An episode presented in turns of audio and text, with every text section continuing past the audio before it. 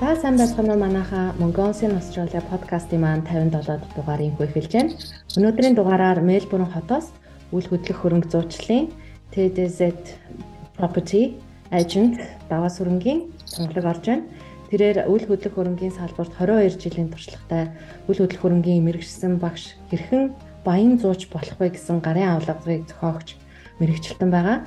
Тэгээ мөн томглог нь Мельбурн хотын Real Estate Institute Victoria-г үйл хөдлөх хөрөнгийн институтэд тэгээ сурч төгссөн. 2018 оноос хойш Австралийн үйл хөдлөх хөрөнгийн салбарт ажиллаж байгаа ийм л мундаг хүнийг оролцуулж байна. Тэгээд өнөөдөр бид хоёр байр орон сууцыг те бас хэрхэн түрээслэх үү, ямар бичиг баримт бүрдүүлэх үү, түрээсийн барьцаа мөн Австралид үйл хөдлөхийг хэрхэн худалдан авах уу гэсэн олон хэрэгтэй мэдээллүүдийг бас сонсогч та нартаа одоо хүргэсэн подкаст болно гэж найдаж байна. За сайн уу тунгаагч. За сайн байцгаана уу? Энийг сонсож байгаа бүх монголчуудаа энэ өдрийн мэд хүргэе. Аа мөн Мельбурнд байгаа монголчуудаа одоо энэ өдрийн мэд хүргээд аа ингээд цацаада бас баярлалаа. Надыг урьж оруулж агаад бид нар энэ өдөр маш их одоо хүн болгонд хэрэгтэй ийм одоо мэдээллийг өгнө гэж одоо би найдаж байна. За тэгээд айгүй их завгүй байд юм байлаа тунгаагчаа олж уулзгаад нилээ төвлөж төлөвлөгөө гаргаж иж бас уулзлаа. Тэгээд энэ их ажлын хажуугаар орж байгаа тунгаагчтай баяр да. За тэгээд яриагаа хоёлоо анх Тэ Австралид ирэхээс өмнө Монголд бас та ямар ажил төрөл хийж исэн бэ? Сая бас 22 жил бас салбарт үйл хөдлөлийн салбарт байсан гэсэн.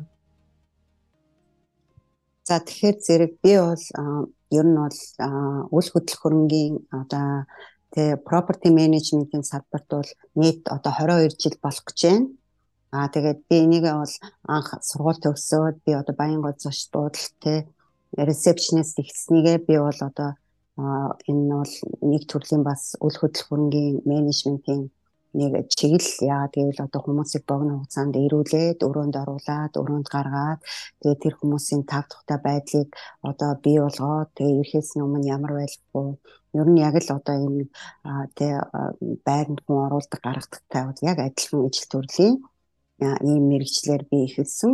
Аа тэгээд одоо бол энэс цаашаа үргэлжлүүлээд Монголын одоо барилгын компанид ажиллаж байгаад а дундуур нь бол би Америкийн нэгдсэн улсын одоо уул хөдлөх хөнгөн одоо богино хугацааны курсыг төгсөөд ингээд 2011 оноос эхлээд одоо уул хөдлөх хөнгөн одоо тэгээ зуучлалын компани Монголд байгуулад а дээрэс нь бол би бол мэрэгсэн одоо уул хөдлөх хөнгөн одоо зуучлагч учраас одоо хүмүүс ингээд заавал заах хэрэгтэй байна. Бид нар бол одоо ямар ч direction direction одоо ямар ч юм одоо чиглэлгүй ингээд бүгдээрээ л нэг одоо нэг тэг яг хуу хүмүүс зарж байгаа юм шиг ингээд нэг компани боловч одоо ямар ч юм одоо анхны тэг мэдлэхгүй ингээд үл хөдлөхөрний зуучлыг хийгээд байна гэдэг дээр бол би бол их санаа зовоод ингээд үл хөдлөх хөрөнгийн риэлтрийн холбоо гэдгийг бол байгуулсан. Тэгээ энэ холбоо маань 2011 оноос эхлэн ажилласан бөгөөд би бол 150-аад одоо ийм одоо гişүнчлэлтэй болсон. А тэр хүмүүстэй бол одоо үйл хөдлөх хөрөнгийг одоо хэрхэн одоо зуучлал үйл ажиллагааг явуулах уу одоо харилцагчтайгаа хэрхэн одоо харьцах уу одоо одоо энэ мэрэгжлийн одоо яс суртахууныг одоо яаж даах ёстой хүмүүсийг ямар нэгэн одоо тэгээ эд хөрөнгөнд нь одоо охирол учруулахгүй яаж ажиллах уу гэд яс зүйтэй байх талаар гэд ингээд бүх талаар нь бол ингээд хичээл заагаад тэгээ тэр хүмүүсийг бол одоо өөрийнхөө яг практис хийдэг буюу зуучлалын компанид бас ингээд давхар бол түр хугацаагаар ажиллаулаад тэгээд өөр эндээс салбарлаад маш олон хүн Монголд өөрийн гэсэн үйл хөдлөх хөрөнгөний компани байгуулсан одоо амжилттай явж байгаа залуучууд байгаа. Одоо тэд нартай одоо энэ завшааныг ашиглаад бас ингээд бас хүргэе. А мөн одоо би өөрөө бол 2014 онд үл хөдлөх хөрөнгийн баян зуучлагч хэрхэн болох вэ гэдэг гарын авлага гаргасан бөгөөд энэ гарын авлага маань өнөөдөр хүртэл нэр ном гэдэг одоо номын дэлгүүрт маш их одоо хүмүүсийн одоо энэ зуучлагч болох гэж байгаа дүнгийн одоо энэ бизнес руу орж байгаа хүмүүсийн одоо гарын авлага болоод явж байгаад баяртай байна. Аа тэгээд бол би 2018 онд бол Австралид анх ирэх болсон шалтгаан маань ер нь бол би Америкийн одоо наар буюу тэр Америкийн одоо үйл хөдлөлтийн риэлторийн холбоотой бол холбооны холбоотой хамтран ажилладаг. Аа ингээд Австралид маш их хүмүүс явж байгаа учраас бас эдний холбоотой хамтран ажиллах санал тавьвал ямар байх вэ гэж бодоод өөрөө бол анх аяллаа чиглэлээр ирсэн. Аа тэгээд Мельбурн хотод ирээд энэ Real Estate Institute Victoria гэдэг энэ одоо тэ юун дээр одоо институт дээр очиод ингээ эдний бас ингээ курст нь суугаад ингээд Викторийн мужид үл хөдлөхөмгийн эйжентээр ажиллах ийм эрхийг бол аваад ингээд энд бол одоо богино хугацаагаар ажиллаад Монголдо өөрийнхөө бас холбоо болон бас ингээ үл хөдлөхөмгийн одоо бизнесээ хийгээд ирээ очин байгаа. Тэгээд бол одоо бол яг ингээд сүүлийн үед бол монголчуудтай илүү дөхөө ажиллаж байна.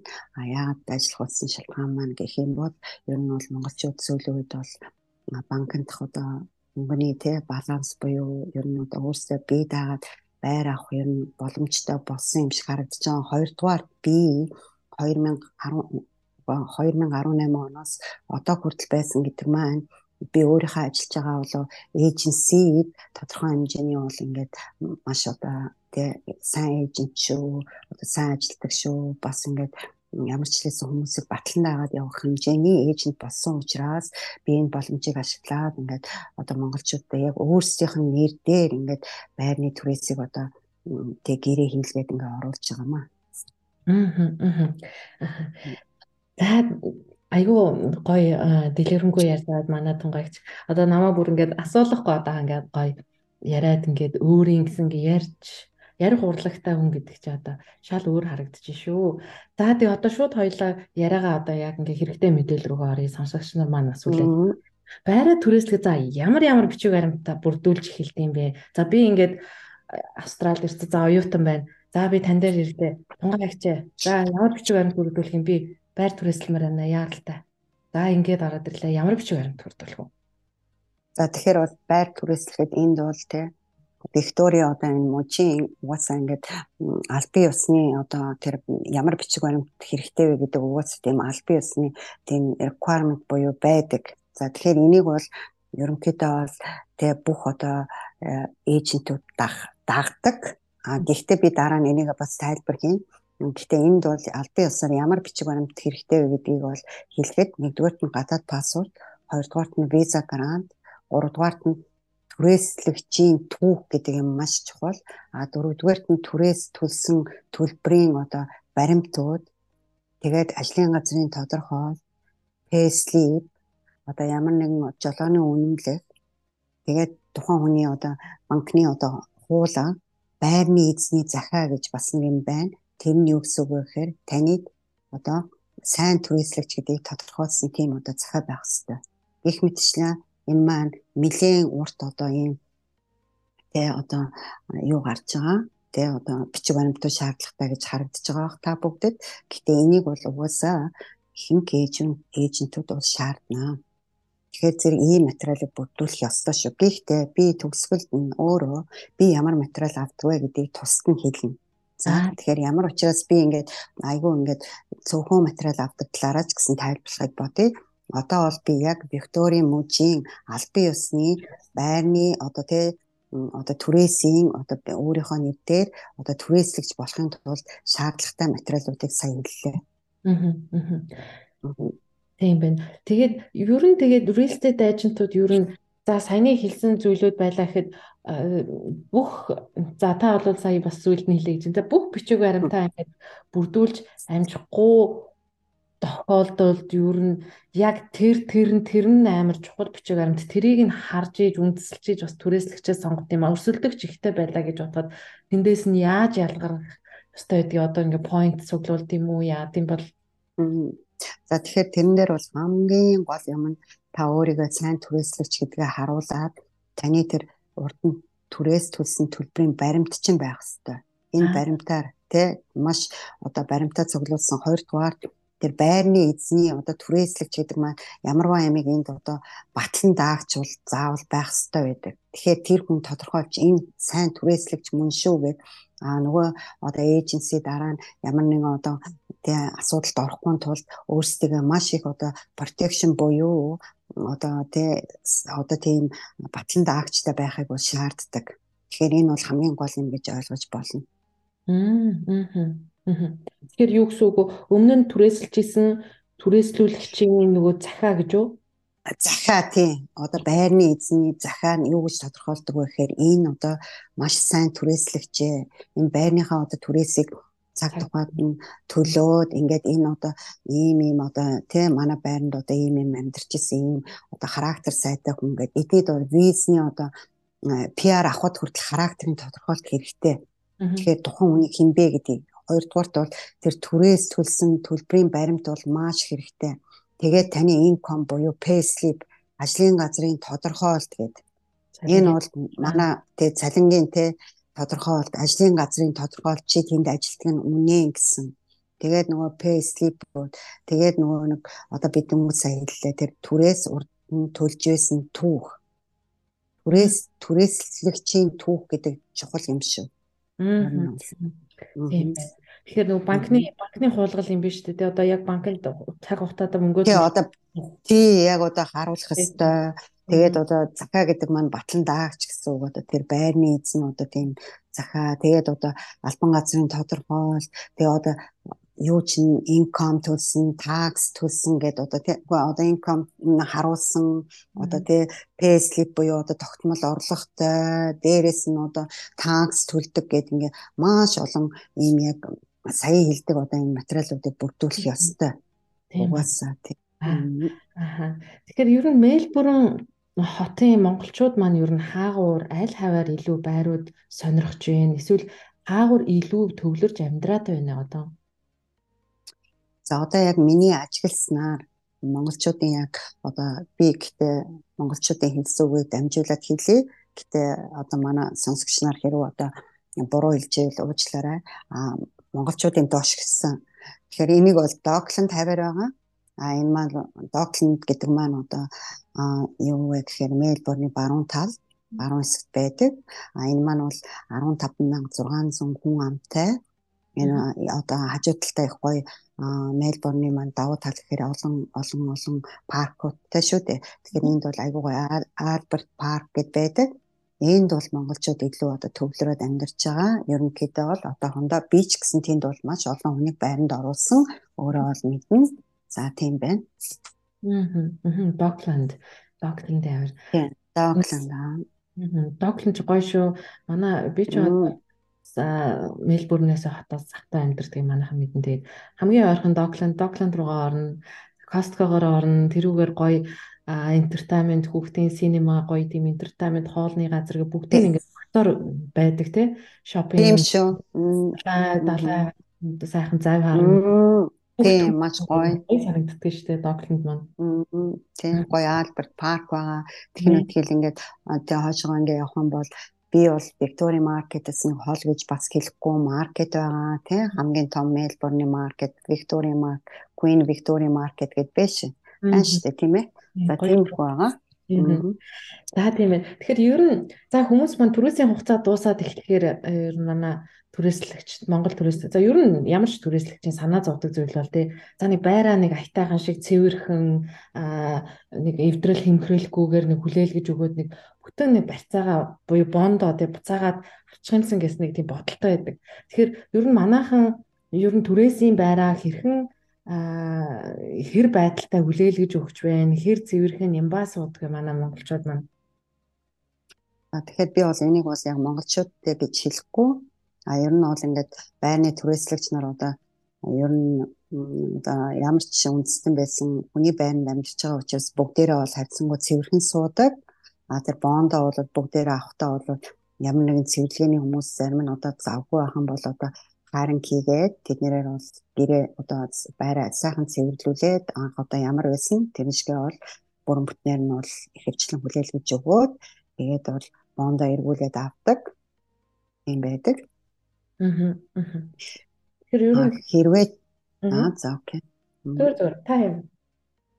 Хэрвээ бонд те бонд алдах нь гэдэг дээр ярьж байгаа бол энэ маань нэлээд том одоо зөрчил гаргах буюу одоо хаалгуудыг эвдэх юм уу эсвэл түрээсийн гэрээгээ зөрчих юм уу те ямар нэгэн байдлаар зөрчинө гэдэг маань одоо яа одоо тэнд пари зохион байгуулад ч юм уу одоо аригтаар суугаад ч юм уу иймэрхүү нэлээд том одоо ийм нэг кейс дээр бол энэ бонд алдна. А тэгтээ хэр бол баргийн бол бондыг бол алдна гэсэн юм байхгүй. А цэвэрлэгээ юм уу? Тэрийг бол хийгээрэй гэдгийг бол заавал хэлээд ч одоо хийхгүй бол тийм хугацаа өгье гэж заавал хийлэгдэг. Гэтэ хүн болгоны ухамсарт нь бол энийг угаасаа түрээсийн гэрээнд бичсэн байдаг учраас сайхан цэвэрхэн анхаарахтай ямар байсан хүлээлгээд өгдөг. Аа. Тэгээ хэрүү за цэвэрлэгийн одоо бонд үлээж байгаа. За цэвэрлэгээ гэхээр зүгээр нэг зүгээр нэг өдөр тутмын юм уу нэг 7 хоногийн цэвэрлэгээ шиг тийм цэвэрлэгээ бол хийхдэггүйгээр айгүй том цэвэрлэгээ хийгдэж байж тээ нөгөө нэг түрээсийн дараах том цэвэрлэгээгээр хийгдэж тэрийг цэвэрлэгээ гэж тооц баг те. Хэрвээ харин одоо түрээсэлжсэн хүн маань за зүгээр нэг те нэг жоохон тоос оруулсан болоод жоохон нэг тоос арцсан болоод ингээл амар заваан хүлээлгэж өгөөд бакярда анх хүлээж авсан шигэ биш. Одоо нөгөө нэг зүлэг мүлгийн арчлаагүй ч байдаг уу цэцэг ногоогийн арчлаагүй ингээ хүлээлгэж өгсөн тохиолдолд бонд ер нь яаж буцаагдаж өгөх вэ? Тэгээд бас ер нь аха Гэтэ миний тохиолдол дээр одоо яг а би хэлж байна надад бол тийм одоо заваа юм уу тэ бонд авахгүй тийм хүн байгаагүй гэхдээ би бол яг хүмүүс арг угаад хаалганы эвдэлсэн байна гэд эвдэлсэн байна гэж өөр эйжентээс сонссон. Гэхдээ тэгээд ер нь бол яг хүмүүсийн ухамсар ер нь бол хүний байранд байсан чи бид нар аятайхан өгнө гэдэг. Аа тэгээ бонд маань өөрөө нэлээд өндөр дүнтэй юм учраас тэрэнд нэг хайн хандаад ахаар хүмүүс байхгүй. Яагаад гэвэл түрээслэгч нар маань ихэвчлэн л одоо тэгээ ер нь бол тэгээ түрээс өөрийнх нь байр биш тэгээ ер нь бол тодорхой хэмжээний түрээсийн мөнгө төлж байгаа ер нь бол тийм нэг одоо их мөнгө зүгээр бонд хайчхаар хүмүүс биш байдаг учраас ерөнхийдөө бол тийм нэг заван юу яадаггүй. Гэхдээ хэр цэвэрхэн байсанс болоод а бүр шаардлагатай айгүй ингээд цэвэрлэгээ хийх хэрэгтэй бол тэрийгэ хийгээд тэгээд заавал хүлээлгэж өгөх хэрэгтэй. Заавал мэрэгжлийн нөгөө хэвс цэвэрлэгээс оруулсан байх хэрэгтэй гэдэг тийм хэвс цэвэрлэгээ мэрэгжлийн. Тийм, ерөнхийдөө бол тийм оруулах хэрэгтэй. Тэгээ анх ер нь ямар байсан тэр шиг л өгөх хэрэгтэй. Анх одоо тий maintenance report дээр яаж харагдсан яг тэр шиг өгсдөө гэсэн үг. Тэгээ яа тэгэл удаан байхад тий удаан байхад мэдээж дорооч мохоо олон тэрийг цэвэрлэх хэрэгтэй.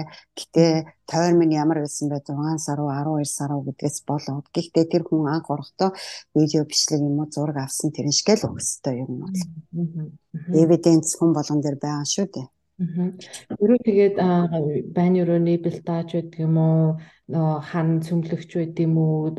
Хөшигтэй бол одоо хөшгээр нураа хийчих юм. Тиймэрхүү юмнууд бол ерөөхдөө бас аа тэр үед тийм тэр үед бол байрны эзэн бол хэлнэ. Би одоо энийг энийг магадгүй тэр нь бондос илдөөч одоо тий төлбөр шаардах тийм тийм асуудал гарч бодсошгүй. Эсвэл бас бүгдээрээ сайн бодож явах хэрэгтэй тэр тухай. Энэ бол байрны эзнийх нь өөрийнх нь энэ юмаа хэдээр үнэлэх вэ гэдэг л юм бол асуудал яригдана. За тийм байна. За тэгэхээр аяллаа визээр ирсэн хүмүүс ер нь одоо сая юуны үеэр чинь бас аяллаа виз нэлээд идэвхтэй гарлаа. Тэгээ одоо жоохон зааж ангарч байгаа гэсэн сураг байсан. Тэгээд нэлээд олон монголчууд маань орж ирсэн байгаа. За тэгэхээр одоо ингээд сонсож байгаа хүмүүс маань байгаа. За би аяллаа визтэй ирсэн. Тэгээд өөрийнх нь нэр дээр бас байр түрээсэлж чадах болов гэсэн бас асуу асуу асуумаар байгаа хүмүүс байгаа хэл та. За тэгэхээр энэ бол айгүй гоё асуулт байна. Би энд хариулъя энд бол айгүй одоо юу хариулъя? Тэгээ товчхон хариулъя. Гэхдээ айгүй тодорхой. А энэ бол яг хуулиар бол болохгүй. Нийт дээр авч. Гэхдээ би бол ямар үйлчлэг үзүүлж байна гэхээр зэрэг зочд буудалд одоо миний бас ингээд өөрийн маань одоо тэ эйженсийн зочд буудалд маш хямдхан үнээр яг гэрте байгаа юм шиг гал тогоотой бүх юм дотроо байгаа тийм одоо зочд буудлыг одоо яг нөгөө тэр юу юм онлайн дээр байгаа үнээр нь биш амьдралтаа үнээр санал болгоод өгөх боломжтой. Тэгээд тэртээ тэр үнийг сарын дараа визний хөдөлгөөнд ороод ирээд сургуулийн CEO эднэр авах юм бол тэд нар одоо хөдөлгөөнд ороод байр нөгөө нэг одоо нэр дээр түрээсэлж авъя гэх юм бол боломжтой одоо авчихсан хүмүүс зөндөө хүмүүс энд одоо сонсоод байж байгаа тэд нар бол мэднэ. Энд. Яасан гоё мэдээгүй мэдээ юм шүү мэдээлэл шүү. Тэгэхээр бас боломжтой хань байна. Тэгээ ер нь угаасаа хин тунгаа ихчийнхаа бас холбогдох Facebook page утас мэдээллийг бас доор комментээр оруулаад өгөн та бүхэн бас хэрэгтэй мэдээлээ тунгаагчаас аваарэ. За тэгээ хоёлоо ер нь түрээсийн байр баярлалаа. За хоёул ер нь түрээсийн байрны талаараас нэлээ ярьлаа. За тэгэхээр одоо хоёул үйл хөдлөх худалдан авалтын талаар ярих гэж бодож байна л да. Тэгээд өөрийн гэсэн байр хаустай болъё гэвэл ер нь за тэгэл өчнөл юм хэрэгтэй гэхдээ бас та бас нэг хүмүүстэй бас нэг ингээд нэг мэдээлэл өгөх маягаар бас ямар нөхцлүүд тавигддаг юм. За би бол одоо ингээд мэрэгжлийн хувьд ингээд та бүхэн хэрхэн байртай болох вэ гэдэг талаар хэлье. Гэтэ одоо энэ бол тухайн хүн хэрвээ энд PR-тай болох юм байх юм бол энэ улсад одоо байр авахын тулд эхлээд одоо 5% тэ даун пеймент төлөөд 95% зээлэр авч болно. Магадгүй 20% өгөө тэ боломжтой бол 20% өгөө тэгээд 80% зээлэр авч болно. Энэ маань хэвчлэн ямар хүмүүс хамаарах вэ гэхээр 491 визтэй хүмүүс тэ тэр нөгөө PR-ийн 491 482 гэж байгаа. 190 тэ эдгээр одоо визтэй хүмүүст бол хамаарах юм шүү. А гэтээ одоо аяллаар ирсэн хүмүүс юм уу одоо байр авъя гэх юм бол одоо тэр non resident буюу эдний одоо иргэн биш гэдгээр заавал тэр FIRB гэдэг одоо тий Foreign Investment Review Board гэдэг одоо гадаадын хөрөнгө оруулагчдыг одоо хянан шалгах зүйл гэх юм уу да тийшээ аплай хийдэг. За тийшээ аплай хийгээд тэнд одоо ямар одоо юу одоо бичиг баримт шалгадаг вэ гэхээр тухайн хүний одоо бизнесийн тий одоо бизнесийг шалгана. Одоо үнэн байна уугүй юу те мөн орлого нь хэдийн татвар төлдөг баримтууд гэд бүх юм энэ аплай хийж байхдаа угаасаа бас ингээд шаардаад авдаг. Эндээс аа тэгээд аваад энэ хүн одоо энүүгээр ингээд аппрув болох юм бол энэ non resident гэдгээр одоо энд бол хөрөнгө оруулалтын одоо орон сууц юм уу өөрсдөө байх юм одоо орон сууц юм уу эсвэл одоо тийм тэ хаус бол худалдаа авах боломжтой гэж хэлнэ. Гэхдээ non resident хүмүүс ихэвчлэн орон сууц апартмент авах одоо авах илүү боломжтой шүү гэж хэлэх байна. Одоо тийм шаардлагатай.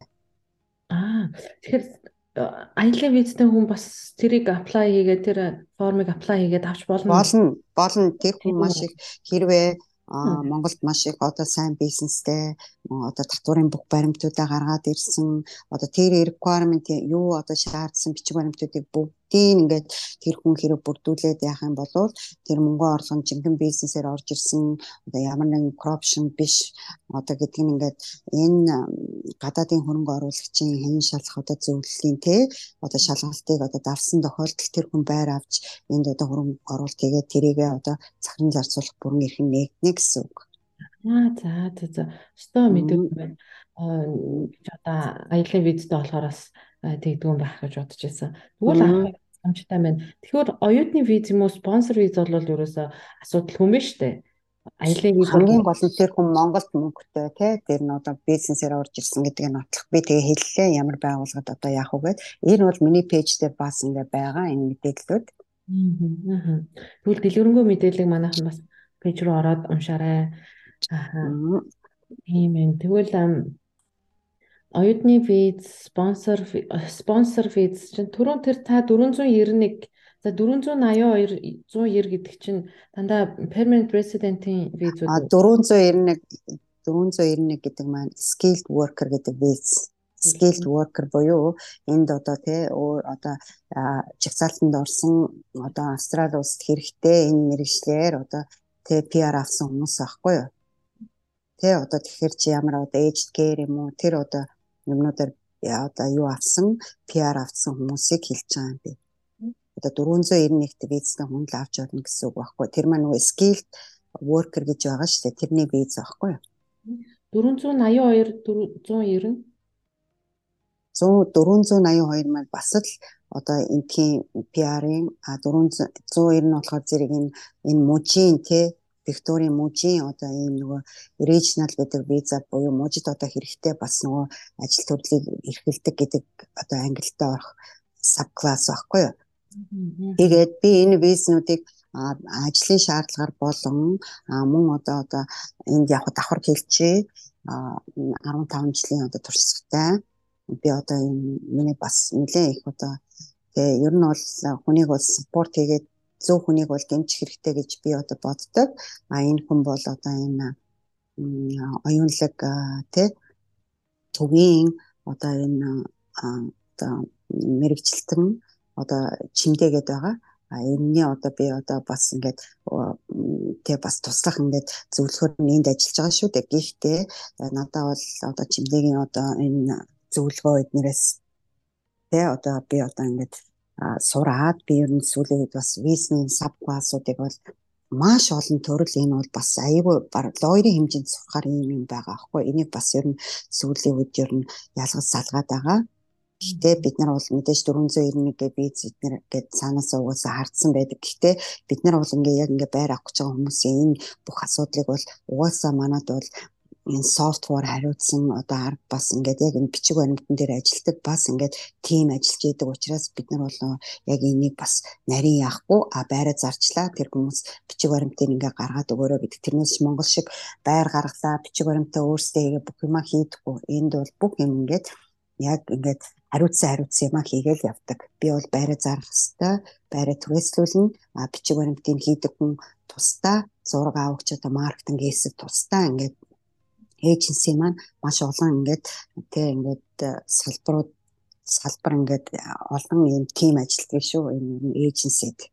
Би болохоор одоо энэ бичиг баримтны асуудлыг бас хариуцсан аккаунтент софтверын ажилчид бол манайд байдаг гэсэн үг байхгүй юу манай эйженсид. Гэхдээ энэ бол бүр Shure 491 102 а 482 энэ визтэй хүмүүс. Энэ визтэй хүмүүс байх юм бол тэд нар одоо тэгээ над дээр ирээд 5% юм уу эсвэл 20% одоо down payment төлөөд банкны одоо зээлэнд зуучлаад өгье гэх юм бол би бол энэ нэг бас хайдал хийх боломжтой гэж хэлье. Аа. Аа. Тийм байна. Эм ер нь Австралид үйл хөдлөхүүд ер нь айгүй өсөлттэй байгаа өсдөг. Ялангуяа New South Wales-ийн Сидней Сиднейд бол одоо хөдлөх бол тэнгэрт хадлаа шүү дээ. Сая нь бол одоо ч өндөр байгаа байх. Тэгээд ер нь за Виктория Мельбурнд ер нь үн гайгүй байна гэж Сиднейгээс наашлах монголчууд бас мерсер ихсэж байгаа гэсэн бас мэдээ Э, сонсогдсон. Тэгэхээр ер нь Виктория мужийн үл хөдлөхийн ханш ер нь бусад мужуудыг бодвол ер нь бага өсөлттэй байна гэж бас мэдээг бас саяхан өглөө нөө нэг Channel 7-нэр бас мэдээгээр сонслоо л да. Тэгээ ер нь Мельбурн хотын үл хөдлөхийн ханшийг Сидней хоттой харьцуулахад ер нь харьцангуй гайгүй өсөлттэй байгааг ер нь та харж байгаа бах. Тэгээд хүмүүстэй яг ингээд байшингийн өсөлтийн талаар бас хоёлаа үний үйл хөдлөлийн өсөлтийн талаар бас бас нэг баг мэдээлэл өгвөл бахан шүү. За одоо энэ өдөр Австрал улсад те одоо үл хөдлөх хөрөнгө аваад энийгээ эргэлтэнд оруулаад инвестмент хий гэсэн хүмүүст бол Австрал улс хамгийн хамгийн хамгийн одоо тэр одоо тэ боломжтой одоо орны нэг яагаад гэвэл энэ оронд бол жил хэрэгжсэн мигрантын бол тоо нь бол өсөж байгаа. Маш их хурцтай.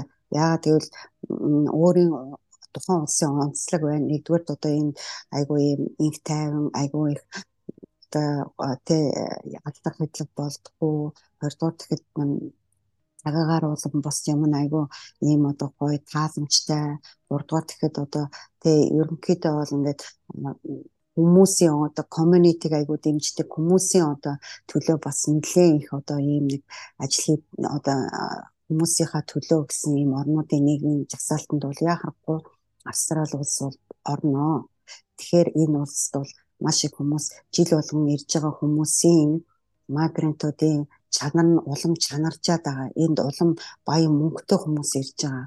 Энд улам одоо одоо Хонконг юм уу одоо хятадны хамгийн мөнгөтэй хүмүүс ирж байгаа гэд ингээд давуу талууд бол зөндөө байна энэ те энэ улсад үл хөдлөх хөрөнгө аваад одоо одоо энэ үнэн нь бол ямар ч лээсэн өснө гэдэг бол бүр өстой бүр яг энэ бол яах яах аргагүй бол энд бол өснө. Гэхдээ одоо ковидын улмаас одоо энэ одоохондоо Австралийн одоо Сидней хот хамгийн их өсөлттэй хот нь бол одоохондоо Queensland байгаа бөгөөд үл хөдлөхөмгийн хамгийн хөсөлттэй Queensland байгаа. Дараагийнх нь Сидней хот байна. Сидней хотод энэ өдөр үл хөдлөхөмгийн өсөлт нь 10% таа байна.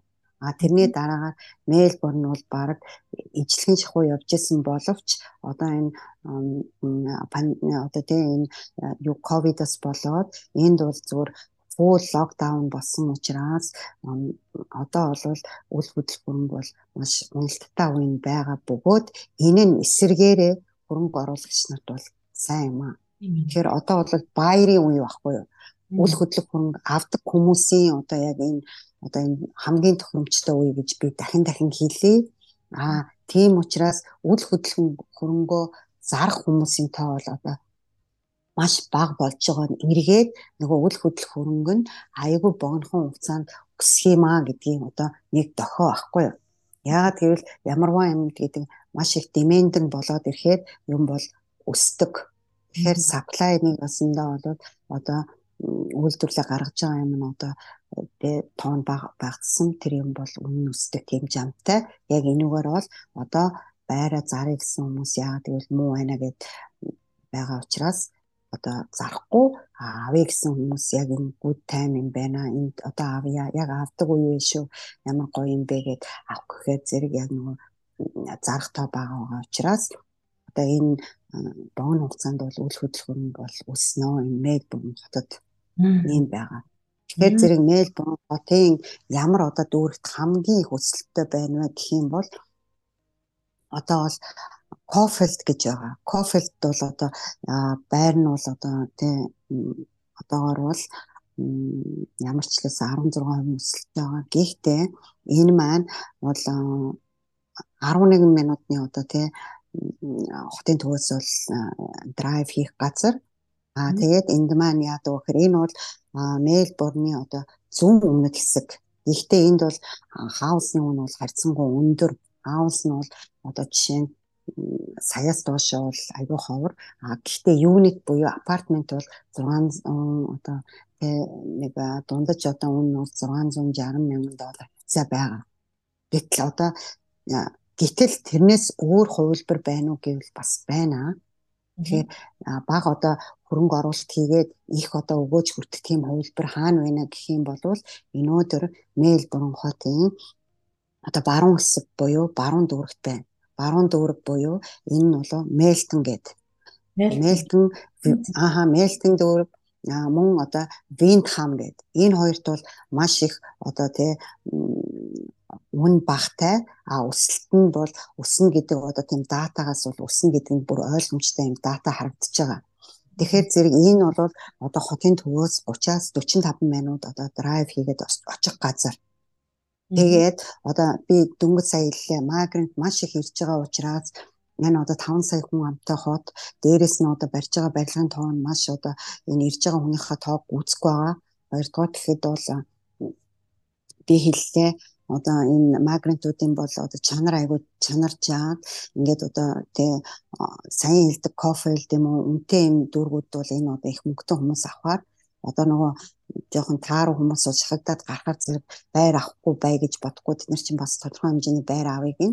А тэднэрт боломжтой үн одоо анхны одоо баярт бол боломжтой дүүрэг юу гэхээр Мельтон. Тэнд бол одоо хамгийн хямдхан байр нь бол 200 одоо 50 мянган доллар байгаа. Тэгэхээр зэрэг энэний дундаж үнэ нь бол ерөнхийдөө бол нэг 380 мянган доллар байгаа Мельтонд.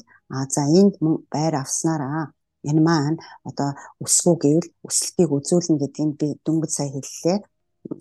Одоо энэ дата харагдаж байгаа энэ энэ хотуудын бас нэг давуу тал нь бол нэлээ эко грин грин гэж нэрлэдэг байгаа. Тийм учраас энэ дүүргүүдэд одоо барилгууд нь юм уу одоо тэр ус мус нь айгүй цэвэрхэн гэдэг одоо хүмүүсийн одоо сонирхлыг татах юм дүүрэг бол яхахгүй энэ хоёр дүүрэг байгаа.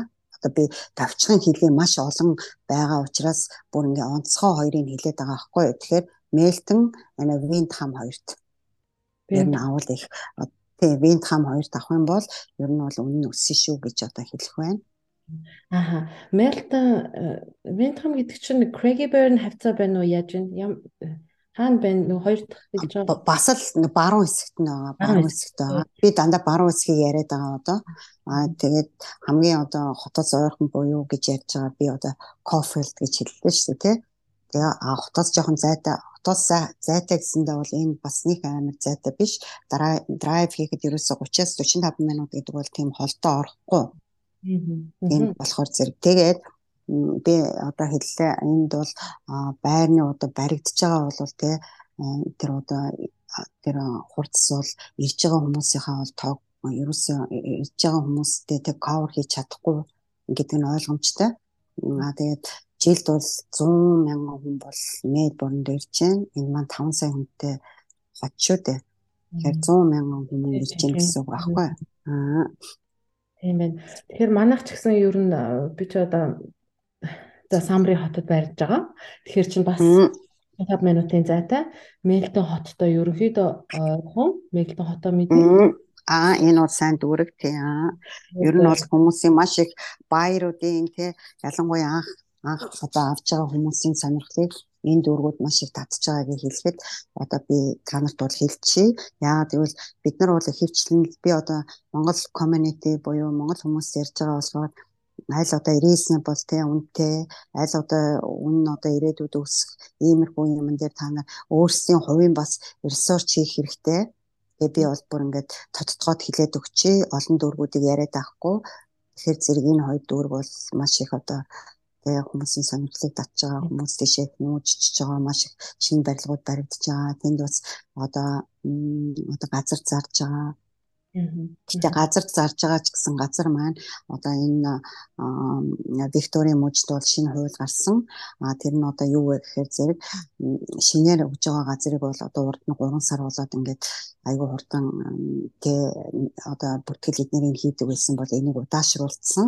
Тэгэхээр зэрэг газар авлаа гэж бодоход ер нь бичиг баримтыг бол баг жил жил жил гэж авах бах ер нь бол аа тэгээ газрын татвар бол бас өсөж байгаа. Эднэр маань уушаа ингээд өнөөдөр авч байгаа хүмүүст бол одоо ер нь бол их таатай юм байгаа. А газар бол авна гэдэг бол өөрөө ер нь жоохон асуудалтай болж байгаа гэдгийг бол ер нь давхар хуу хүмүүс ресерч хийгээрэй гэхдээ байгаа байхгүй юу тий.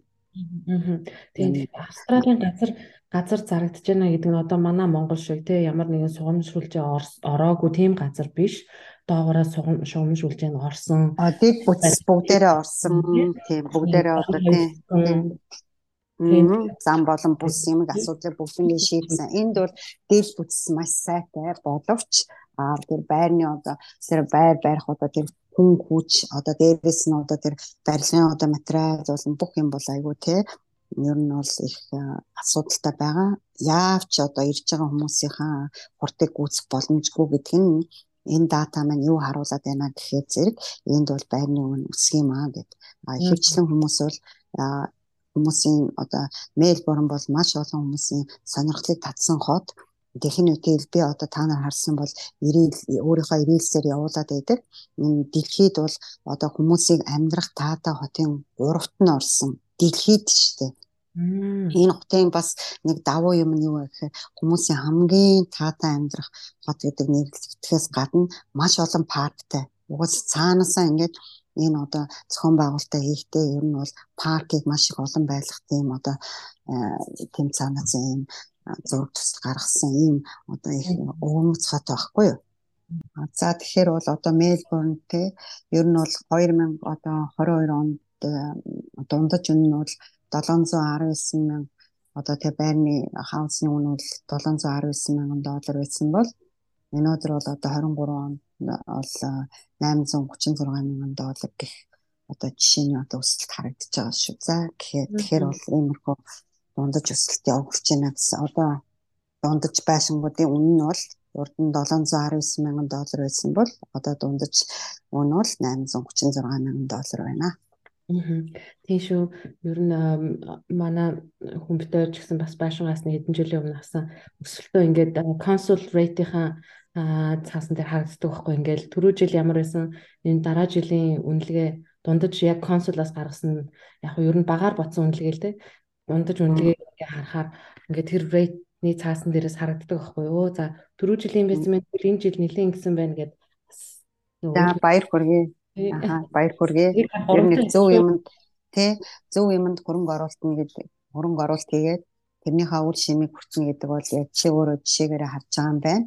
Тэгэхээр манай монголчууд одоо овоод цалин хийгээд одоо байгаа бол эсвэл одоо бүр ингээд энд авч чаддгүй манхад Монголдо одоо тодорхой хэмжээний одоо тэгээ үйл хөдлөлгөөн аваад тэгээ тэрийг одоо эргэлтэнд оруулаад энэ нэг пассив инкомтой болох хэрэгтэй гэдгийг би ялангуяа залуучуудад хэлж байна. Одоо одоо одоогоос санаар би энийг эхлэх юм бол маш одоо тэгээ залуугаараа аяллаад өөрийнхөө хүссэн юм хийгээд одоо тэгээ одоо эдийн засгийн эрхчлөөнд одоо хүрх боломжийн одоо боломжтой юмны нэг бол үйл хөдлөх биш үү гэдгийг би бол энэ одоо мэрэгжлийн хүний хувьд залхий. Аа тэгээд мөн цаашлаад Монгол хэр үйл хөдлөх тэнд авах гэсэн а гэх юм бол би Монголын Улаанбаатар хотын ямар дүүрэгт ямар одоо хэмжээний орон сууц заавал чи хизээч одоо түрээслэгчгүй юм уу эсвэл одоо зарахад өмнө нь одоо унчлаа хичээгээд гээд одоо асуудалд орохооргүй хэмжээний зөвлөгөө бас давхар өгч чадсан шүү гэдгийг хэлээ. Би бол энэ зах зээлээ бас олон жил байсан болохоор мэднэ. Аа. Тийм байна. Тэгэхээр ер нь бол үйл хөдлөлийн талаар ерөөсөө маш том туршлага бол танд байгаа учраас ерөөсөө Монголд бай, Австралид бай үйл хөдлөлийн э, асуулттай байвал ер нь манайхан холбогдоод суугаарай, мэдээлэл аваарай. Тийм байна.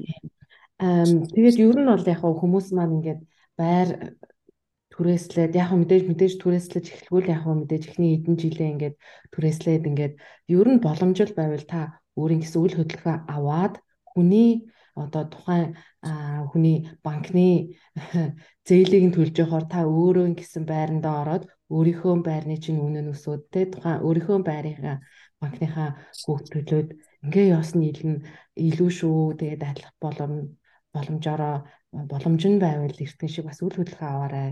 Өөрийн гэсэн орон сууцтай болоорой гэж бас би бас давхраас ингээ зөвлөөд хэлье.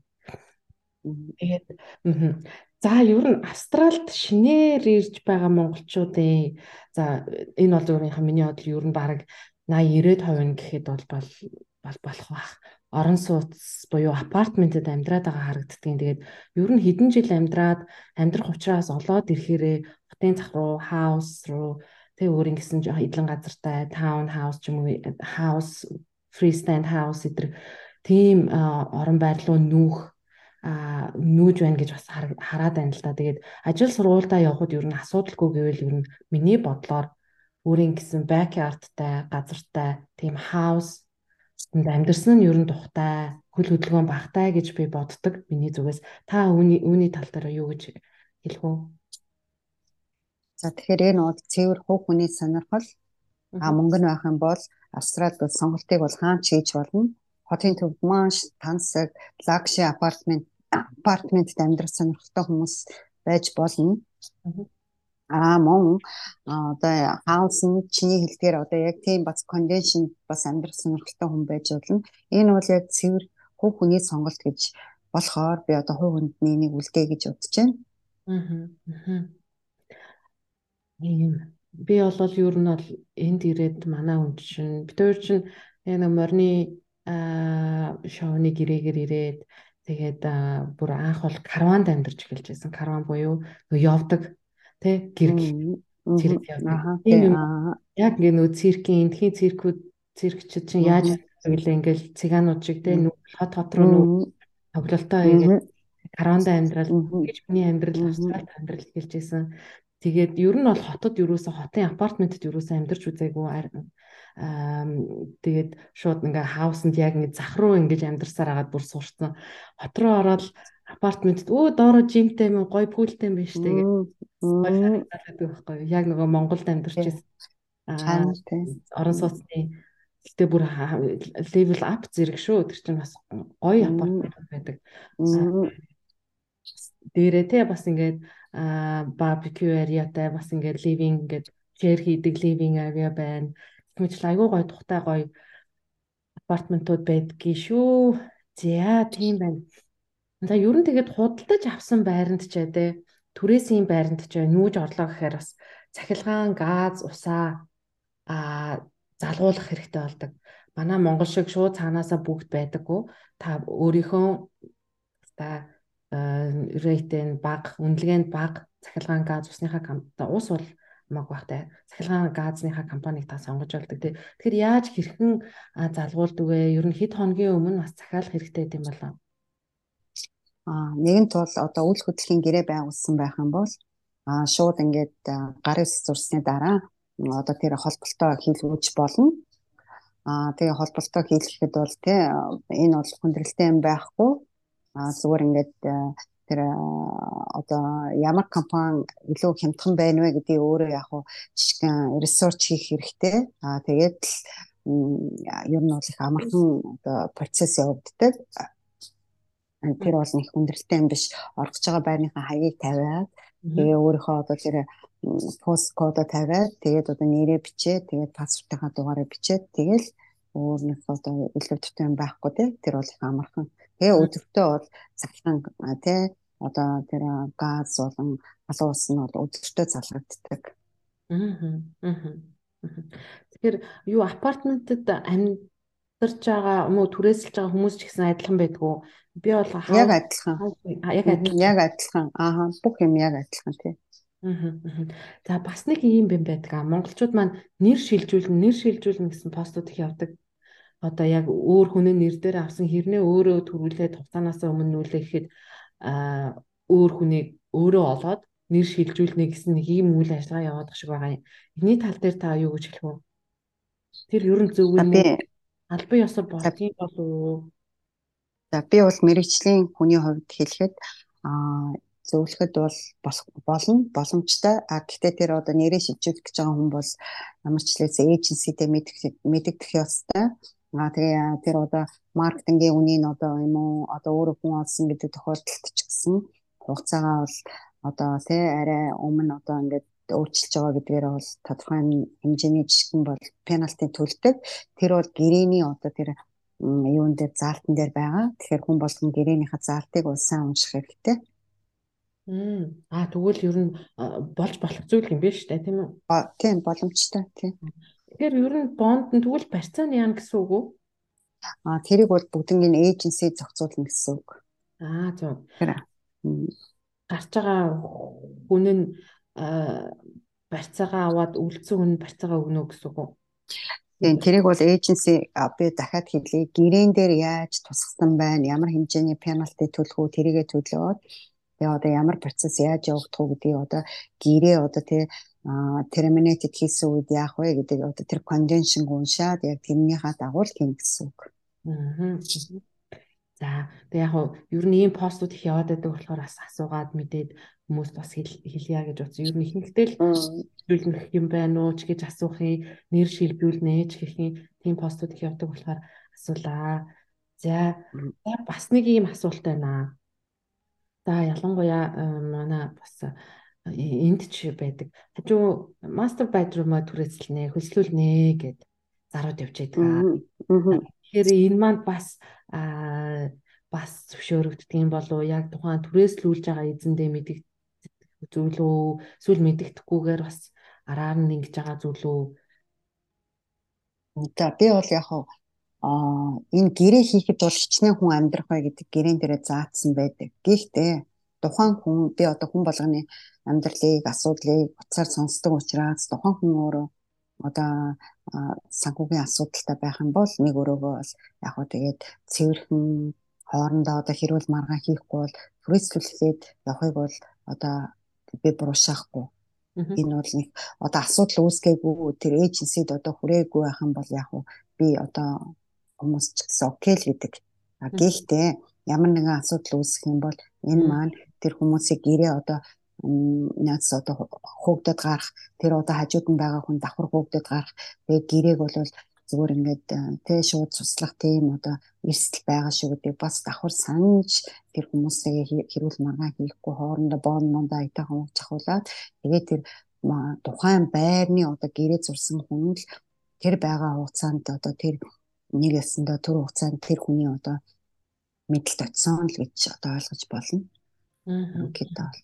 Тэгэхээр бол хоорондоо зохицоод тиймэрхүү юм байж болно. Болно тий. Аха. Тэгээ хуулиар бол үгүй гэлээ шүү. Гэхдээ би тий. Тийм байх тийм байх. Хуулиар бол айгүй чанга. Хууль хуулиар бол одоо асуудал үүсэхгүй бол нэг одоо чангарах юм байхгүй. Зүгээр ингээд одоо асуудал үүсээд хоорондоо хэрэлдээд юм уу, зодтолтоод юм уу, одоо нэг нэг нэг асуудал үүсгээд ингэсэн байх юм бол аа мөн бас нэг юм гэхээр энд бол одоо Монгол шиг төлхөр олшруулна юм уу? Одоо төлхөрөө олшруулна одоо өөр одоо тийм юмнуудыг бол дураараа хийж болохгүй одоо байр маараа бодох юм уу иймэрхүү юмнуудыг бол хийн хийдэг вэ гэхээр байрны эзний зөвшөөрлөлтөд заавал хийн гэсэн үг шүү. Аа. Тэгээ бас муур нохооны асуудал бас яригддаг бах тий. Аа тийм тэрийг бол анх орохосоо угаасаа муур байлгүй үгүй гэдэг тэр гэрэн дээр угаас тий заагаад өгсөн байна тий. Аа. Аа. Яа тийм ээ түрүү хоёлаа ер нь яриагаа эхлэхэд та бас тэгсэн шүү дээ. За би нэг ярианыхаа сүүлд би нэг аа тийм талаар яриа гэжсэн. Тэгэхээр тийм. За би бол одоо ингээд дахиад хэлчихээ. Би бол тодорхой хэмжээний ажилласан учраас өөрөө одоо би дагаад одоо нэг спонсор болоод хүмүүсийг одоо байранд оруулах одоо боломжтой хэмжээний одоо тийм эйжент болсон учраас монголчуудыг бол байранд оруулалт нь миний одоо зүгээс ямар ямар материал шаардж байгаа гэвэл маш одоо одоо хэдхэн төрлийн юм шаардж байгаа. Нэгдүгürt нь би бол одоо мэдээж паспорт, хоёрдугаарт нь бол одоо сургуулийн урилга тухайн хүний Гуравдугаарт нь бол одоо банкны баланс буюу одоо бүх ингээ юу байхын хэрэггүй одоо хуулаад зүгээр баланс үлдэгдэл нь хийдвэгээд аа тэгээд дөрөвдүгээрт нь одоо аа тэр хүний одоо тэр мэдээж утасны дугаар имэйл байх хэрэгтэй. Аа тэгээд ер нь ийм юмнуудаар бол би оруулж байгаа. Байранд аа тэгээд өөрөө спонсор бол одоо тэр урд нь байсан төв хүмүүс гэдгийг бол бүгдээрээ спонсор болоод аа тэр хүний одоо одоо байранд энэ хүн одоо асуудалгүй инээ тэрэ гэсэн бүх юм нь бол архивд хадгалагдчихж байгаа. Яагаад гэвэл би өөрөө тэр одоо батлан дагчаар нь орж байгаа гэсэн үг шүү гэд би бол давхар хэлий энийг бүр ингээд те бүр тодтоход тэгээд Тэгээд дараагийн юм гэхээр зэрэг бол бас нэг юм тодруулах хэрэгтэй гэж би боддгийг. Ягаад гэвэл манайхан бол тэгдэг.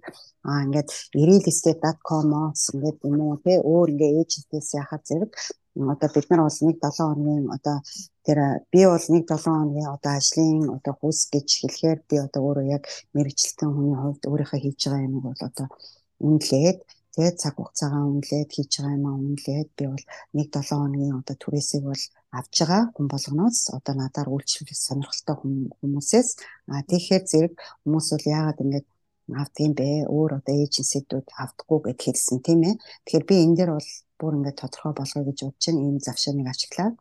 Тэгэхээр зэрэг би урд нь хэлсэн нөгөө миний урд хилээд байгаа тэр бичиг баримтууд бол яахрахгүй шаардлагатай. Нөгөө урт хэлсэн шүү дээ. Манай пэйжин дээр ч байгаа. Би бас ингээд бичиг баримтууд гэх юм уу ийм одоо түрээс төлжсэн түүх тэрийг одоо байрны эзэн би одоо сайн одоо түрээслэгч гэдгээ харуулсан одоо одоо битсэн юм захидал а дээрээс нь мөн одоо албан газрын тодорхойлт гэд би бол иймэрхүү юм нэхгүй одоо иймэрхүү юмнуудыг одоо нэхээд тэгээ дээрээс нь тэр ирэл стейтүүд бол одоо юм уу эйженси над чиг одоо би маргааш үзмээр байна гэхэд дагуулж хизээч явдаггүй. Тэд нар одоо inspection date гэж байдаг угаасаа. Одоо нэг өдөр юм хоёр өдөр тоолцсон тэр өдрөө бүгднгийн ингээд одоо тийм масаар нь үзүүлэл гаргадаг. А 3 дугаар гэхээр зэрэг би бол ингээд өссөн өдөр нь дагуулаад явдаг. Аа тэгээд 3 дугаарт нь гэхээр зэрэг яадаг вэ гэхээр зэрэг манайхан бол тэр яриад байгаа бичиг баримтууд угаасаа байхгүй дахиад хэлчихье одоо тэр бичиг баримтуудыг би бол батлан даагч болоод тэхний үтгэл маш бага мөнгөний баланстай байхад хүртэл одоо би өөрөө батлан даагч болгоод тэгээ өдөрт нь зарим өд хүртэл байр гаргаж байгаа. Тэгэхээр хизээч өдөрт нь ирэл эсрэг гаргахгүй. Тэд нар маань над чиг илүү юм хийхгүй зүгээр ингээд бүх бичиг баримтанд байгаа маш удаан аппликент байгаа. Тэрнээсээ зүгээр ингээд одоо наад чиг илүү ажиллахгүй зүгээр л автоматар оруулаад нэг гаргаал ингээд тэгэл оруулчихж байгаа. А би бол тэгэхгүй яаж байгаа гэхээр нөгөө бичиг баримтны нэгдүгээр одоо нэг хоол юм шаардахгүй юм. Хоёрдугаарт нь дуртай өдөр нь үзүүлж энэ одоо миний үзүүлж байгаа байрнууд бүгдээрээ илүү зардал гарахгүй бүгдээрээ одоо юутай тавилгатай байдаг. А тухайн хүн тавилахгүй аа тэгээ тавилгатай байдаг. А тэгээ дээрээс нь дараа нь одоо нөгөө connection яриад байгаа connection гээс болон тэр хүмүүсийн ямар нэгэн асуудлыг бол бүгднгийн би өөрөө ингээд яг тий одоо хандл хийгээд бүх ажиллагааг бол хийдгээ. энд бол маш их цаг хугацаа гарна орно. Бас ингээ дээрээс нь дээрээс нь бас тэр хүмүүсийн одоо тэр maintenance report буюу одоо анх орохдоо одоо ямар тэ одоо зураг мураг авах юм тийм аэропортыг би бас тэрэн дээр нь бас ингээд бичээд юм ин одоо өөрийнхөө хүртэл WhatsApp дээр ингээд өөрөө ингээд бас ингээд тэ одоо батлан даагч нь бол бас ингээд хамт орцсон байдгаа. Тэгэхээр Монгол хүмүүст оруулж байгаа байрны байрны ард болгонд би байгаа. А тэр байрнуудыг оруулж байгаа байрнууд болгон дээр бол минь би одоо ямар нэгэн асуудал гарах юм бол одоо эйженси манай эйженси бол одоо над дээр шууд одоо хариуцлагыг одоо авахар ярина. Аа 3 дугаар гэхэд бол би бол одоо байдлыг ойлгоод одоо тэгээ хасаад одоо би зочдлуудлын өрөөнд байна. Гэж маргааш одоо ормоор байна. Гэтэн хүртэл одоо ингээд орой болол бичиг баримтыг ингээд яагаад ингээд оруулаад тэгээд энэ хүн бол одоо туризм ресик төлнө би одоо ингээд он тайм төлөвлөнө гэдгээ бас дахиад батлан наалтаа гаргаад нөгөө байдлын яраад нөгөө хүн маргааш өглөө 10 цагт сэрэг байхад би байрныхын өмнөдлөхүүрийн байрал зогсож байдаг. Мөн адилхан ингээд аялын визтэй хүн ирээл дөнгөж сургууль болголоо Сиднейгээс идлээ зочд буудлын ингээ мөнгө одоо гаргалаа гэхдээ за гэж би тэр доор нь оруулаад офис дээрээ өглөөнөөс орой хүртэл суулгаж жагаад байрных нь одоо бичиг баримтын мэдээж тэр чинь бас бичиг баримтын гэрээ мэрэ гаргах тодорхой хугацаа гарна шүү дээ. Гэхдээ тэр маш товчилж бол ингэж гаргаад ингэж шуурхаа оруулж байгаа шүү. Тэгэхээр зэрэг би дахиад хэлэхэд ер нь бол тэ миний хийж байгаа ажлын одоо үйлчлэгээний хөлс бол тийм одоо би өөрөө өндөр буюу одоо хүмүүсийн нэг одоо тэ их прогоод байна гэж хизээч бодохгүй өөрөө хийж байгаа юм юмда энэ одоо техникийг улсын одоо виз гаргадаг тэ одоо одоо элчин сайдууд хүртэл бизнес чи материалыг авлаа. Тэгээд одоо үйлчлэгийн хүнсээ төлөөрөө гэдэг үйлчлэгийн хүнс хүртэл ингэж одоо тэ ингээд авч яхад А би бол одоо бүх өдөржингөө connection гэж байна гэдэг утсан дээр зүгээс зүгүүдээс те гэрээг ингээд зурулах гэж байна гэдэг. А эсвэл ингээд одоо яг байр хэрэгтэй түр бариад ингээд явж байгаа юмдаа бол хийж байгаа ажилтаа бол би заавал хүссэн хэвээр гэж боддог. Тэгэхээр би бол ирээл эстэд болон өөр эйженсээс илүү одоо зүгээр өөрөө өөр юм хийгээд юм уу байж ах юм цагаа одоо нэг ясандаа илүү цагаараа илүү цагаар одоо ажиллаж байгаа шүү гэдгийг манайхан давхар ойлгоорой гэж би одоо хэлмээр байна. А тэгээд өөрсдөө хэрэг одоо байр маараа олноо ингэнэ гэж байгаа хүмүүс би бол нээлттэй гэж хэлдэг. А гэхдээ өөр юмны одоо зөвлөгөө авъя гэх юм бол ирж болно. А зөвлөгөө өглөөгээд би ямар нэгэн мөнгө төгрөг авахгүй. А дээрэс нь орж байгаа өөрсдөө орсон байрнууд гэхээр хугацаанаас нь өмнө гарах юм уу эсвэл одоо тий ямар нэгэн тавилгагүй байр ороод олоод маш их одоо мөнгө зарцуулж байгаа хүмүүс байна. Эсвэл одоо түрээс нь одоо 2 сарын түрээс авцсан юм уу? Эсвэл одоо нэгэн зүгээр депозитгээ сараар нь авчихсан ч юм уу? Гэт иймэрхүү ингээд юмны золиос байгаа болоод байгаа асуудлууд би бол зөндөө их сонсож байгаа. Аа тэгээд л асуудал гарахаараа над руу уцдаг. Тэгээд бол хүмүүсийн хоорондоо хийсэн гэрээг бол late одоо энэ тухай бол бид нар эргээд одоо тэрийг засах юм уу ямар нэг юм надад бол тийм лоо ирж биш болохоор тийм юм байхгүй. Тийм учраас та бүхэн цаг хугацаагаа хэмнээд одоо зочд буудалд мөнгө одоо зарцуулахгүй Airbnb-д одоо мөнгө төлөхгүйгээр одоо элдв одоо юугүй тавилга мавлахгүй байранд орж илүү зардал гаргахаа эсвэл одоо мэдгүй хугацаанаас өмнө хөөгд гарах эйженси юм уу одоо зарж байгаа байранд ингэж одоо гэрээ хийж орох иймэрхүү эрсдлээс хамгаалагдъя гэх юм бол над дээр ирэхэд би одоо мэрэгжлийн хүн хоёр дахид бас нэг тиймэрхүү асуудалд оруулахгүйгээр ингээд тэ мөнгө чи химнээ цагийг чи химнээд тэгээд өөрөө үйлчлэгээнийхээ хөлсийг аваад ингээ харилцсан тохиролцоод ингээд бизнес явагдах боломжтой шүү гэж хэлье.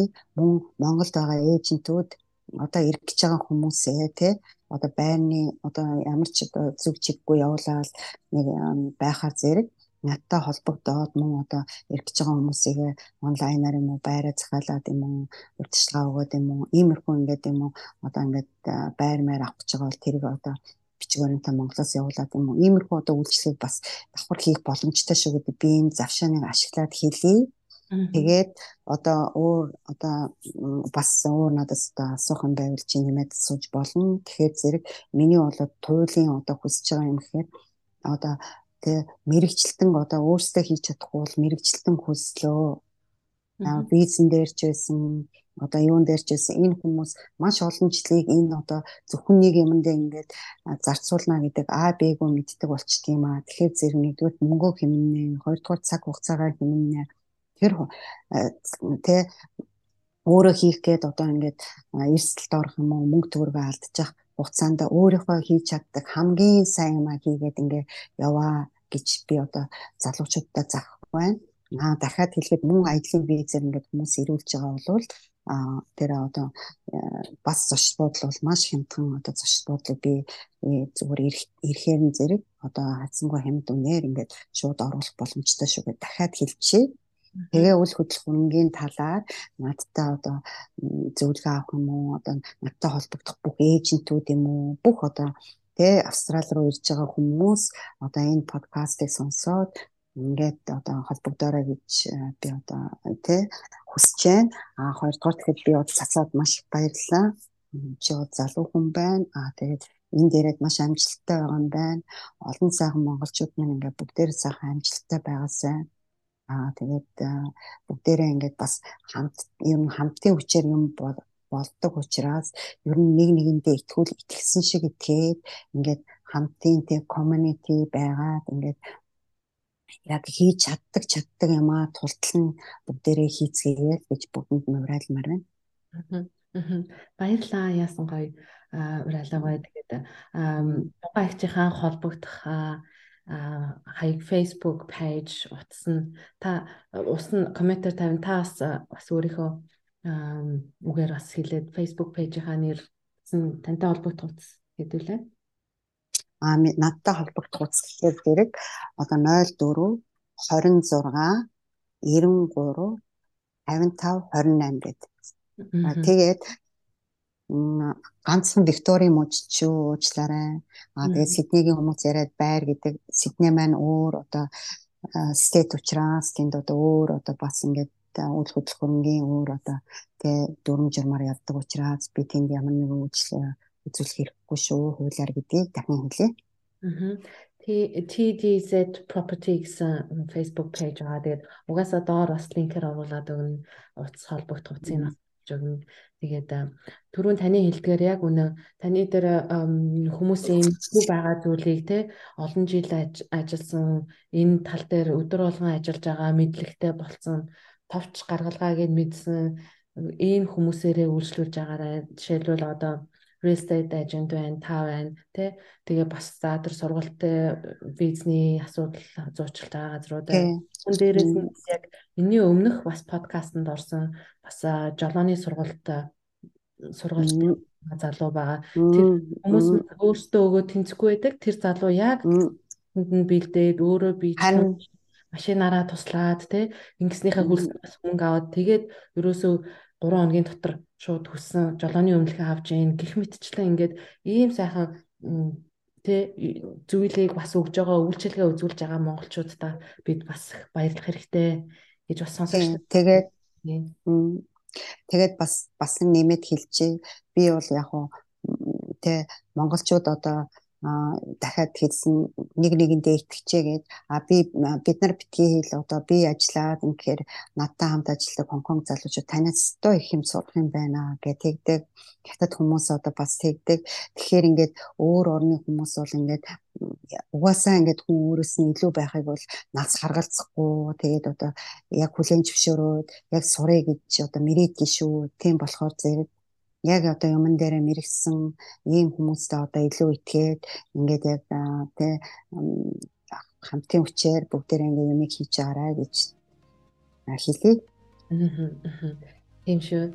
За ер нь хүмүүс маань те за хоёулын ер нь подкаст ингээд ингэсгээд бас өндөрлөх цаг маань бас байна.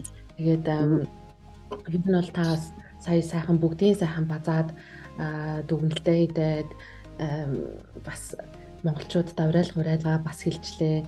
Тэгээд э, ер нь хүмүүст гадаад улсад төдий гэдэг өөрийнхөө их оронд ч тэр хаанч бай ер нь орох орон амьдрах байр ер нь хамгийн түрүү нэн тэр үн хэрэгтэй зүйл байдаг тий. Тэгэхээр энэ чухал зүйлээр бас Мельбурн хотдох тэрч бүхэл Виктория мужийн үл мужийн маань одоо монголчуудаа үнэн зөв мэдээллээр хангаад зуучилж байгаа энэ сайхан үйл ажиллагаанд нь өндрөөс өндөр амжилтыг хүсье. Тэгээд ирээдүйд олон олон монголчуудаа өргөө сайхан гэрте болгоорой гэж бас хүсье. За би хичээн ажиллах болно. Ингээд дахиад хэлээд цацаадаа маш их баярлалаа. Одоо энэ одоо өөрсдийнхөө хийж байгаа хүмүүсийг хооронд нь одоо уулзуулж байгаа энэ одоо сошиал медиагийн 90 100-д ингээд маш том одоо тэ үйл ажиллагаа явуулж байгаа та бүхэнд одоо амжилт хүсье. Баярлалаа. Баярлалаа. За тэгээд та бүхэн маань подкастын маань дэмжиж subscribe хийгээд бас сонсроо мартава. Тэгээд подкаст маань YouTube дээр YouTube channel дээр маань тавигдана. Тэрээс нь монголчуудын бүх можуудын Facebook-ийн группүүд дээр тавигддаг байгаа. Spotify, Apple Podcast дээр бас давхар сонсож байгаа. Та алхангаа гэрээ зүйдэлтэй ямар ч үед та сайхан подкаста залгаад сонсорой. Тэгээ subscribe хийхээ мартаа манайхаа. За тэгээ Мельбурн хотоос тунгалаг цуцаанаар ярилцлаа. Дараагийн нүгэр хүртэл баяртай манайхаа. Баяртай тунгалагч. Баярлалаа. Баяртай.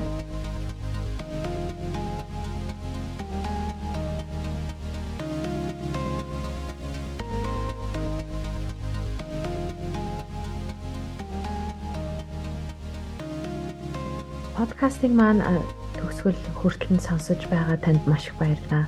Манай подкастууд YouTube, Facebook, Apple Podcast, Spotify дээр цацагдж явагддаг байгаа. Илүү олон шинэ подкастыг сонсохыг хүсвэл subscribe хийж дэмжиж сонсоорой. Дараагийн дугаараар эргээд уулзъя. Баяр таа.